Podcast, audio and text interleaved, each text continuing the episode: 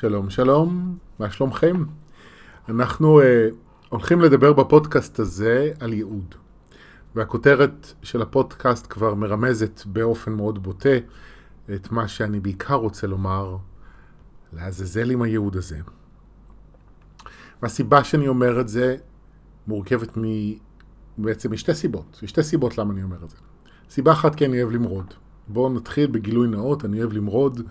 אני מזהה אה, כללים וטרנדים, ויש לי נטייה טבעית פנימית למרוד בהם. יש לי גם לפעמים רצון להתמזג איתם ולהיות כמו כולם, אבל הנטייה החזקה שבסופו של דבר מניעה אותי בחיים, זה שכשאני רואה אה, מגמה, טרנד או אה, תופעה כזו או אחרת, זה למרוד. לא תמיד הדבר הכי חכם, יש פעמים שעדיף לא למרוד, יש דברים שאין סיבה למרוד בהם, אבל הרבה פעמים זה דווקא מאוד חכם, כי הרבה מהדברים שאנחנו גדלנו עליהם, אה, הם ראויים למרד. כלומר, לשאול שאלות, להטיל ספקות, לבדוק את הדברים מחדש, ולא לקחת אותם כמובן מאליו. יכול להיות שבסופו של דבר אני אגיע למסקנה שהדבר אכן מתאים לי, שזו נקודת מבט, תפיסת עולם, ביטוי, הרגל, צורת חיים שבאמת מתאימים לי. אבל המרד מאפשר לי לבחור מחדש איך אני רוצה לחיות את החיים שלי, ומי אני באמת. ומשום כך הוא תהליך מאוד חשוב בגיל ההתבגרות שלנו, אבל בשונה ממה שאני זוכר משיעורי אה, אה, חינוך מיני בבית ספר, גיל ההתבגרות לא באמת מסתיים אה, כזה בסביבות גיל 17, 18, 20. גם פיזית הגוף ממשיך להשתנות, אבל גם רגשית אנחנו נדרשים מדי פעם לחזור ולמרוד.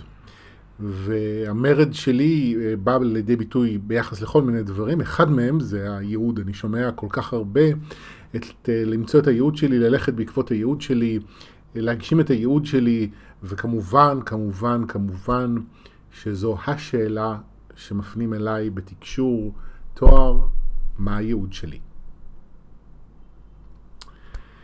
אז לעזאזל עם הייעוד. ולעזאזל עם הייעוד לא רק בגלל שאני אוהב למרוד, אלא בגלל שאני רואה יותר ויותר איזה בלגן רגשי המילה הזו עושה לאנשים. ולפני שאני אדבר על הבלגן הזה, אני רוצה רגע ללכת קודם כל לבסיס ולשאול שאלה שהיא השאלה הראשונה, אני לא יודע אם יהיו עוד כי אני לא מתכנן את הפודקאסט הזה מראש, אבל השאלה הראשונה לפחות כרגע שאני רוצה לשאול ביחס לנושא הזה, זה למה בכלל אנחנו מחפשים את הייעוד שלנו. מה הסיבה? מי בתוכי מחפש להגשים ייעוד? וזו כאילו שאלה מאוד טריוויאלית, מה זאת אומרת? אני רוצה לעשות את מה שטוב לי, אני רוצה אה, לממש את עצמי, להגשים את עצמי. מה הבעיה? מה, נכון? אין כאילו על פניו אה, סיבה מיוחדת אה, דווקא לשאול את השאלה הזו, אבל דווקא בגלל שלכאורה אין סיבה מיוחדת לשאול את השאלה הזו, אני שואל דווקא אותה. ואני שואל אותה כי אנחנו הרבה פעמים רוצים ומערבבים ברצון שלנו לקבל תשובה לשאלה הזו דברים שהם לא קשורים אחד לשני. והדבר העיקרי שאני מזהה זה שאנחנו רוצים לדעת מה הייעוד שלנו, להגשים את הייעוד שלנו, וכאשר אני אהיה במצב הזה שבו אני מגשים את הייעוד שלי, משהו בחוויה הרגשית שאני מרגיש היום בהווה, אני כבר לא ארגיש. כלומר, אם אני מרגיש עכשיו חוסר הצלחה, אם אני מרגיש עכשיו חוסר מימוש, אם אני מרגיש עכשיו שאני לא מספיק טוב כי אני לא מצליח ולא מממש את עצמי, אה, אם אני מרגיש מסכן, אבוד, אה, לא מחובר לכלום, אם אני מרגיש מתוסכל במה שאני עושה ובאיך שהחיים שלי נראים, אז יש איזושהי אה, ציפייה שהיא בעיניי הרבה פעמים על גבול הפנטזיה, שאם אני אדע מה הייעוד שלי, אז כל הרגשות האלה ייעלמו. ופתאום אני ארגיש אחרת. תהיה לי משמעות, תהיה לי מטרה, ופעמים רבות גם יהיה לי מה לעשות. כלומר, אם אני הגעתי למסקנה שהייעוד שלי זה לטפל באנשים, אז אני אמור ללמוד לטפל באנשים. בעיניי גם אני אמור ללמוד לטפל בעצמי, אבל זה לפודקאסט אחר. אה, ואז תלוי, אם אני רוצה לטפל באנשים, אני רוצה להיות רופא, אני צריך ללמוד רפואה, אם אני רוצה להיות מטפל הוליסטי, אז יש תחומים בעולם הזה שעשויים להיות רלוונטיים עבורי ללמוד אותם. אז אה, לשם אני הולך. אני נותן לעצמי משמעות, אני נותן לעצמי אה, מטרה, זה כאמור גוזר איזושהי תוכנית פעולה, וזה בעיקרון אמור לשנות את החוויה הרגשית שלי. עכשיו זה פרדוקס, כי זה אכן משנה את החוויה הרגשית שלי, אבל בו זמנית גם זה לא יכול לשנות את החוויה הרגשית שלי. מה הכוונה? אם אני אה, אה, לוקח מקרה, נגיד, מאוד נפוץ של אנשים ששואלים אה, תואר מה הייעוד שלי, כי הם יודעים שהם, יש להם איזה כישרונות או יכולות שהם יכולים להביא לידי ביטוי, אבל הם לא יודעים מה בדיוק להביא לידי ביטוי, והתוצאה של המצב כרגע זה איזשהו תסכול אה, מתמשך ותחושה של משהו מתפספס. אה, ואז אם החוויה הרגשית שלי היא כזו, ואני יודע שאני מגיע להבנה שאני רוצה להיות וטרינר, אז באופן טבעי החוויה הזו של אה, תסכול, אה, של פספוס, החוויה הזאת תשתנה. כי אני יודע מה אני רוצה, ועכשיו אני יוצא לדרך כדי לממש את זה. אבל הרבה פעמים אנחנו לא רק מרגישים אה, מתוסכלים ושאנחנו מפספסים משהו, אנחנו גם בדרך כלל, רוב האנשים, זה ישר לוקח אותנו למקום שאני מרגיש לא מספיק טוב. אני מרגיש לא מספיק טוב כמו שאני, יש לי איזה פנטזיה להיות מישהו אחר ואני לא כזה. מישהו שכבר יודע, שכבר מחובר, שכבר עושה, שכבר מגשים, שכבר חי את הייעוד שלו ואני לא כזה. ואז אוטומטית, מאחר ואני לא מממש את הפנטזיה שלי על עצמי, אני משווה את עצמי לאנשים אחרים. הנה הם, הם מצליחים, הם יודעים כבר, הם עושים את זה. ואני לא. אז המסקנה היא אני לא מספיק טוב. וזו לא מסקנה שכלית אינטלקטואלית, זו חוויה, חוויה רגשית נטו. מקום מאוד כואב, שבתוכו אנחנו מרגישים לא מספיק טובים. ובשונה ממה שאנחנו חושבים, לא במודע, מציאה של הייעוד שלנו לא תשנה את החוויה הזו. ואני יכול לתת אותי כדוגמה ולהקדיש את שאר 20 ומשהו הדקות שנותרו לסיום הפודקאסט הזה, לדבר אך ורק על עצמי. אני מגיל, מגיל תיכון אה, נמשך לתקשורת ולפסיכולוגיה, והתיכון שלי, אחד המאפיינים שלו היה ההתלבטות מה ללמוד באוניברסיטה. כמה חודשים תקשורת ואחר כך חשבתי פסיכולוגיה, ואז חזרתי לתקשורת ואז עברתי לפסיכולוגיה. אמ, ולשמחתי, המסלול חיים שלי מאפשר לי לממש את שתי התשוקות הללו בלי ללמוד אותן בצורה אקדמית. אני עיתונאי מגיל 21, ואני לא למדתי תקשורת מעולם, ואני עוסק בעיתונאות עד היום, ואני במקביל מטפל באנשים. אז אמנם אני לא פסיכולוג ואני לא מתיימר לטפל כפסיכולוג, אבל אני בא מדרך של דרך מודעות עצמית, רגשית, אה, מאוד מאוד מורכבת, עם תפיסת עולם מאוד מגובשת, שמתוכה אני גם עוזר לעצמי וגם עוזר לאנשים. אז אני מוצא את עצמי בגיל 42, מגשים את החלומות שהיו לי אה, בגיל ההוא, ועדיין מרגיש לא מספיק טוב. זה נורא פשוט. ביום אה, שבת האחרון כתבתי איזה פוסט בימים האחרונים בפייסבוק, חלק מכם אולי קראו אותו. אני היה לי ערב, ואני וורדה, המורה שלי, עושים סדרה של ערבים אה, מפגשים משותפים. היה לנו ערב אה, נוסף במוצאי שבת האחרון, ועד אה, פחות מ-12 שעות מתחילת האירוע נרשמו אליו ארבעה אנשים. ואני הייתי כל כך מיואש וחסר אמונה, שרציתי לבטל את המפגש הזה, ו... וזהו. והגיעו 16 איש. הוא צמח פי ארבע תוך כמה שעות. אמ, ואני הרגשתי מיואש, חסר אמונה, הרגשתי לא מספיק טוב, שמה שיש לנו להציע, נקודת מבט, התפיסת עולם, לא באמת מדברת לאנשים. אה, בקיצור, החוויה הרגשית, חלק ממנה האלה, זה כל מיני פנים, אבל אחד ההיבטים של החוויה הרגשית שאני הייתי בה, היא אני מרגיש לא מספיק טוב עם עצמי. וזה קורה לי בעיתונאות, ואני באמת כותב ועורך 20 שנה במאות עיתונים כבר, אה, אני עובד עם אה, כלי תקשורת גדולים בארץ, אה, ואני עדיין ברגעים מסוימים או מפחד להיות לא מספיק טוב, או מרגיש שמה שאני נותן הוא לא מספיק טוב.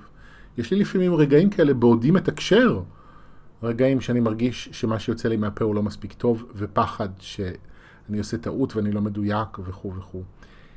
החוויה הרגשית הזאת, שאני לא מספיק טוב, לא נעלמת ברגע שאני יודע מה הייעוד שלי. זה רק דוגמה. זאת אומרת, אני מדבר על הלא מספיק טוב, אבל אם תחקרו לעומק את איך אתם מרגישים עם עצמכם עכשיו, ומה אתם מקווים שישתנה בחוויה הרגשית שלכם, אם תגלו ותגשימו את הייעוד שלכם, יכול להיות שהתשובה שתגיעו אליה תהיה תשובה אחרת. אני אומר לא מספיק טוב, יכול להיות שהחוויה הרגשית תהיה שונה. אבל זה לא משנה מה היא, זה במרבית המקרים חוויה רגשית ששום עשייה ושום מימוש עצמי לא יכולים לקחת ממני. עכשיו זה נכון, אני מרגיש סיפוק שאני עושה בעולם את מה שאני אוהב, ואני מרוויח מזה כסף וחי טוב. יש לי תחושת סיפוק מאוד גדולה, ויש לי מהמקום הזה תחושת מלאות. אבל אני עדיין מרגיש לא מספיק טוב, אה, אני מפחד שאני לא מספיק טוב, שאני אעשה טעות, שיהיה בלאגן. אני מפחד לאבד, במילים אחרות, מפחד שבא לידי ביטוי ומדבר בתוכי בכל מיני צורות ומקרין לי כל מיני סרטים בסינמה סיטי הפנימי שלי. כל זה קיים. זה לא הולך לשום מקום. אז לכן אני שואל את השאלה הזו בעצם. למה אני רוצה למצוא את הייעוד שלי? מה המטרה? אצל רוב האנשים זה יהיה מעורבב. אני רוצה להביא את עצמי לידי ביטוי, להגשים את עצמי וליהנות מהסיפוק והמלאות שזה מביא איתו, אבל אני גם רוצה לשנות את החוויה הרגשית שלי, כי אני מרגיש דברים שאני לא רוצה להרגיש אותם יותר. עכשיו אני יודע שיש דרכים ושיטות שמבטיחים שבכך וכך טיפולים ובכך וכך תהליכים החוויה הרגשית שלנו משתנה ופחדים ועכבות ומחסומים שאנחנו מכירים כל החיים פשוט ייעלמו. אני מכיר את השיטות הללו ואני מודע לעובדה שיש פה אנשים שמטפלים ככה או מטופלים כך ומאמינים בזה, אבל מאחר והגעתם לפודקאסט שלי, אז אני אגיד את מה שאני חושב, אני חושב שזה לא עובד ככה. אני חושב שאנחנו פה בשביל תהליך התפתחות, הוא נמשך לכל החיים, ואנחנו זקוקים, באמת זקוקים למידה של צניעות. אני לא באמת יודע אם סיימתי לרפא או לטפל במשהו מסוים. אנחנו נדע סופית מה באמת השלמנו את הריפוי שלו או לא, רק אחרי שנמות, שהגוף ימות ואנחנו נעבור לצד השני, ונוכל באמת לסכם את החיים האלה. אבל לנו משום יש איזה אגו כזה שאנחנו מתוכו מגיעים לסיכום בעודנו חיים. אנחנו כבר מסכמים את החיים בעודנו חיים, אנחנו עוד לא סיימנו את כל התהליכים. אין לנו מושג מה יקרה מחר. מה נרגיש מחר, עם מה נתמודד מחר, מה נגלה בתוך עצמנו מחר, ואנחנו כבר היום מסכמים, אני כבר הגעתי לשלום עם ההורים, אני כבר טיפלתי בפחד הזה והזה, וכל הבעיות האלה נגמרו. וזה מצער אותי, זה אפילו מקומם אותי במידה מסוימת. אני חושב שאנשים עושים לעצמם ואחד לשני נזק. זה אשליה שיכולה להתפ... להתפוצץ בפרצוף, ואם וכאשר ההתפוצצות הזאת קורית, היא יכולה להיות מאוד קשה. אני לוקח בחשבון ששיעורים חוזרים על עצמם, ואם לי יש שיעור מסוים, אה, איזשהו נגיד אה, חוסר ביטחון שאני מכיר מאז שאני ילד קטן, והפחד שלי מאנשים, זה חוויה רגשית שיש בתוכי מאז שאני זוכר את עצמי, ואני תמיד באינסטינקט מעדיף להיות בצד, ואני יודע שזה מסע חיים לטפל בזה. ואני כבר לא במקום שהייתי בו לפני 20 שנה, או 10 שנים. יש לי הרבה יותר ביטחון עצמי ואני הרבה יותר פתוח ויותר קל לי עם אנשים ואני יודע לנהל small talks בהרבה מצבים ומאי פעם לא ידעתי בכלל ואני יודע להרגיש יותר בנוח לבטא את עצמי אמ, ועדיין זה דפוס שמדי פעם אני מזהה איך הוא מנהל אותי, איך אני פועל מתוכו וכל פעם אני חוזר לטפל בו. אמ, אז בואו רגע נחזור רגע באמת לאמת שאנחנו לא יודעים ולצניעות שכרוכה בכך. וזה חשוב כי כשאתם יוצאים או נמצאים במסע כזה של הגשמה עצמית ומציאת הייעוד שלי וכו' וכו', קחו בחשבון שזה מסע. אין איזושהי נקודה בזמן שאני אומר זהו סיימתי. ובטח ובטח כשמדובר בריפוי של רגשות כמו אני לא מספיק טוב. זו חוויה שחוזרת על עצמה, או פחד, או חוסר ביטחון. זה חוזר על עצמו כל תקופה זה עשוי פתאום להתגבר מאוד, יש רגעים שאני מרגיש שוב פעם את אותו חוסר ביטחון שהרגשתי בגיל 16, למרות שעברו מאז הרבה שנים, ואני לא באמת במקום הזה, אבל מדי פעם הנער בן ה-16 בתוכי יוצא לאור. ואני שוב מרגיש ככה ואני נסגר ומתכווץ. זה גם עשוי לקרות לכם, וזה חשוב שתיקחו בחשבון שזה עשוי לקרות, כי אז אתם לא תרדו על עצמכם, שאתם לא בסדר ופספסתם ולא עשיתם מספיק עבודה, ובגלל זה הדברים חוזרים, זה לא הסיבה. הסיבה היא שאנחנו צריכים כל פעם לא רק לחזור לטפל בדברים האלה, בדפוסים האלה, ברגשות, בטראומות, אנחנו גם נכנסים כל פעם יותר לעומק, ליסודות העמוקים ביותר של הדפוסים הללו.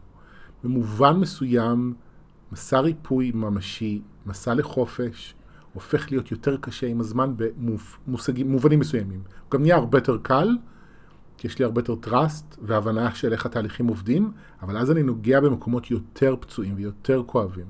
וזו לא הידרדרות, זה לא סימן להידרדרות או לזה שעשיתי משהו לא בסדר, אלא להפך. סימן שאני מתקדם, סימן שאני בדרך הנכונה, סימן שאני באמת באמת מרפא את עצמי. אז אני, אני חוזר רגע, כאילו עשיתי רגע, סטיתי לכאורה להיבט אחר בכל הנושאים שאפשר לדבר עליהם. אני חוזר אה, לעניין של ייעוד, ואני רוצה להגיד את מה שתואר אומרים על ייעוד. אה, כי אם אני, שאלתי את השאלה הראשונה, אה, מי, למה אני רוצה לדעת מה הייעוד שלי? השאלה השנייה היא, קודם כל, מה זה בכלל ייעוד? והאם יש דבר כזה, ייעוד? מה זה? משתמשים במילה הזאת, זה בערך כמו אהבה. אנחנו יכולים להגיד עליה הרבה דברים ובו זמנית לא מבינים כלום. תכלס, אין לנו באמת מושג. אבל אני, אז אני אפרק את, כמיטב הבנתי ויכולתי את המילה ייעוד מאיך שאני מבין את זה.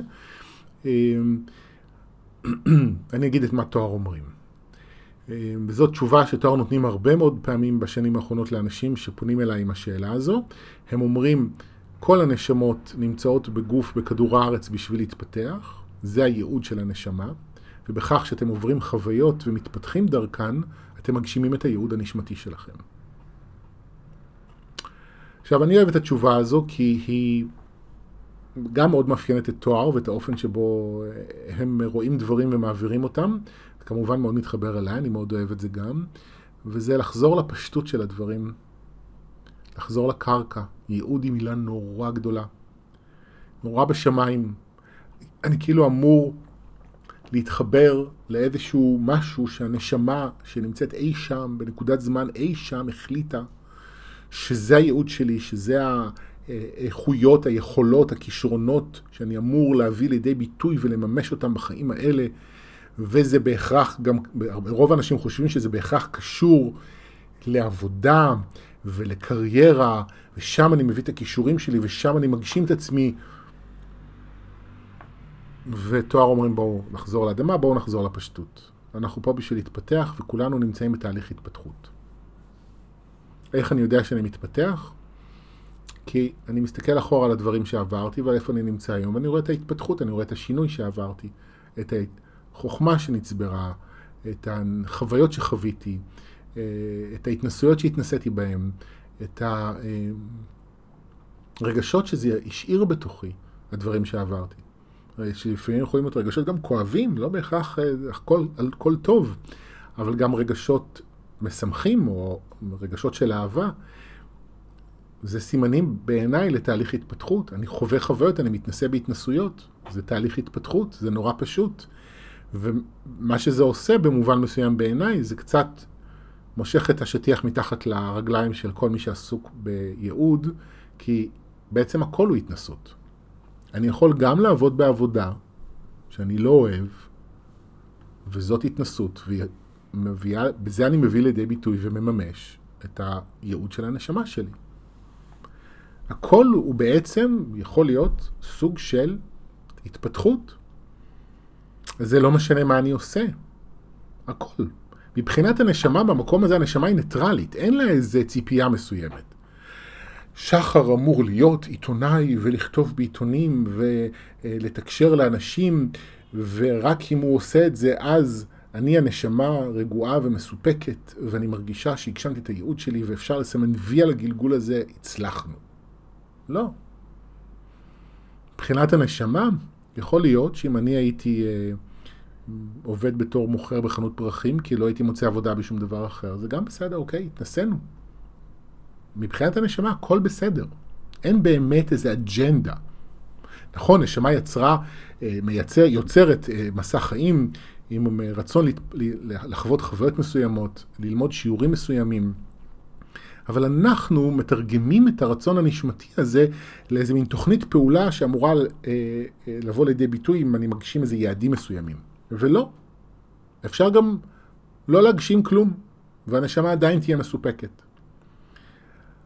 אז אם אין איזה כזה, אין איזה כזו חבילה אנרגטית שאני אמור להתחבר אליה ש... מהנשמה שלי, שכשאני מתחבר אליה אז אני מבין אותה ומה אני אמור לעשות פה בחיים האלה ולהביא את זה לידי ביטוי, מה שזה עושה זה מחזיר אותנו אל עצמנו. מה אני רוצה? מה בא לי? מה מרגש אותי? מה משמח אותי? מה מדליק אותי? או כמו שאני אוהב להגיד, מה מדגדג, מדגדג לי מבפנים לעשות? האם זה מדגדג? האם יש לי... אה, אני מרגיש את התנועה הפנימית בכיוון מסוים. והדוגמה הטובה ביותר שאני יכול לתת כדי להמחיש את זה, היא אם תשחזרו רגע את גיל ההתבגרות שלכם, את החוויה, את הזמן, כל אחד בגיל אחר, שבו התחילה התעוררות מינית. רוב הנשים נמשכות לנשים, רוב הגברים נמשכים לגברים, אצל חלקנו זה כמובן אחרת. ואני זוכר את עצמי בגיל 13 בערך, מבין בשכל את המ... שאת... מה המשמעות של זה שאני מתעניין בבנים ולא בבנות.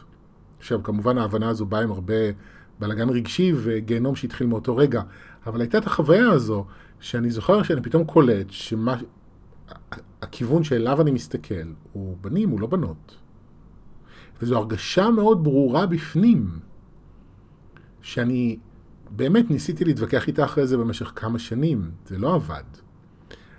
אבל היום אני גם יודע במצבים כאלה לא להתווכח, כי זאת בדיוק התחושה שאני בדרך כלל מחפש. למה אני נמשך? לאיזה כיוון? מה בא לי לעשות? ומה בא לי לעשות הוא לא בהכרח עכשיו בענייני עבודה. אם אתם מסובכים עם עבודה ואתם לא יודעים מה לעשות, עזבו את זה, לכו לקטנות, לכו ליומיום. מה בא לכם? מה מדליק אתכם? מה בא לכם להיות? איזה... מה אתם אוהבים לשתות קפה או תה? מה בא לכם? אולי בא לכם שוקו עם מרשמלו וקצפת? אולי בא לכם אה, לנסוע בנתיב אחר לעבודה? אולי בא לכם ללבוש בגדים אחרים? אולי בא לכם... לא יודע, מה בא לכם? תתחילו בדברים הקטנים. ומשם לאט לאט תבנו את עצמכם לדברים קצת יותר גדולים. תתפוס ביטחון וטראס, לחזק את האמון שלנו בעצמנו, במשיכה הפנימית הזאת. סליחה, לכיוון מסוים, ושוב אני אומר, זה לא בהכרח משיכה מינית, אבל ה, באופן שבו אני חווה את הדברים, זה עובד באותה צורה. אני כל הזמן מחפש את אותה חוויה שזיהיתי בעצמי בגיל ההתבגרות סביב, אה, סביב המיניות. האנרגיה מושכת אותי בכיוון מסוים, מבפנים יש איזה דחף לזה, להימשך לזה. ואתם יודעים, אפשר, אפילו, אפילו ברעיונות, אני יכול לדבר עם מישהו, והוא יכול להציע לי שלושה רעיונות, ושניים לא, לא נשמעים לי מעניינים, אבל יש אחד שמדליק אותי, שפתאום הוא מעורר אצלי את המיצים הרגשיים. וואי, זה פתאום מדליק אותי ומלהיב אותי, וזה נראה לי, כן, זה, זה החוויה שאני מחפש. אז אם בא לי קפה או תה, החוויה הזו אולי היא בעוצמות יותר קטנות, ובדברים אחרים העוצמה יכולה להיות הרבה יותר משמעותית, אבל המנגנון או הדינמיקה הזו היא אותה דינמיקה, שזה משהו שמתעורר לחיים, שמכוון אותי, לך לשם. האינטואיציה, ככה היא מדברת, לך לשם. היא מדברת בשקט והיא מדברת באופן חיובי. הפחד צועק, והוא יגיד, מה פתאום שלא תעיז. הוא מדבר בשלילה, הוא יפחיד אותי, שלא תעיז, יקרה ככה וככה. תיקחו בחשבון שכשזה מגיע לדברים גדולים, ברגע שאני מזהה מה התשוקה שלי, הפחדים שמתעוררים יכולים להיות הרבה יותר חזקים. זה לא מרגיע את הפחד, להפך. תחשבו על זה, אם אתם עובדים בעבודה שמשעממת אתכם, אתם uh, בדרך כלל תרגישו תסכול וחוסר עניין ורצון שיום ייגמר. אבל אם אתם אוהבים את מה שאתם עושים, אתם רוב הזמן תשמחו ללכת לעבוד ותפחדו ש... לאבד את העבודה ושזה לא יקרה יותר.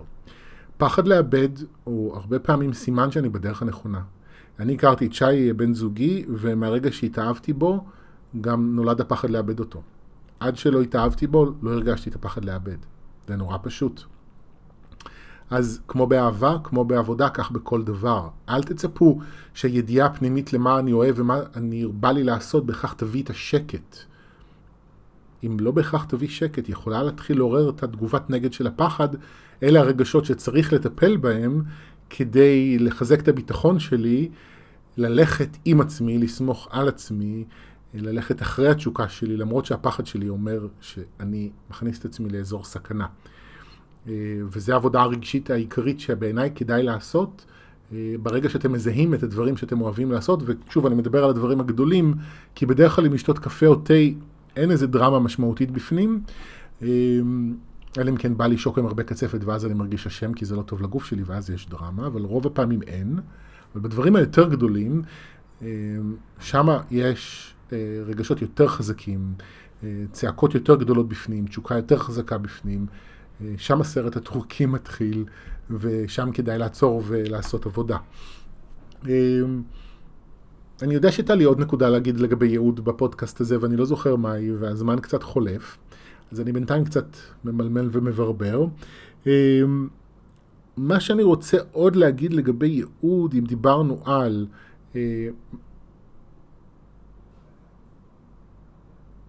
מי בכלל רוצה לדעת מה הייעוד, למה אני רוצה לדעת מה הייעוד, ומה זה באמת ייעוד. ועכשיו התחלתי לגעת בנקודה השלישית, אוקיי, איך אני מתחבר לזה. אז פה, הנה, נולדת הנקודה ששכחתי ורציתי אה, אה, לומר אותה, זה שיש פעמים אנשים שלא יודעים להגיד מה הם מרגישים. כי האופן שבו אני מציע אה, אה, לזהות מה אני אוהב, היא דרך תחושה בעצם, והרבה פעמים אנשים אומרים, אני לא יודע מה אני מרגיש, בלי קשר בהכרח לזה.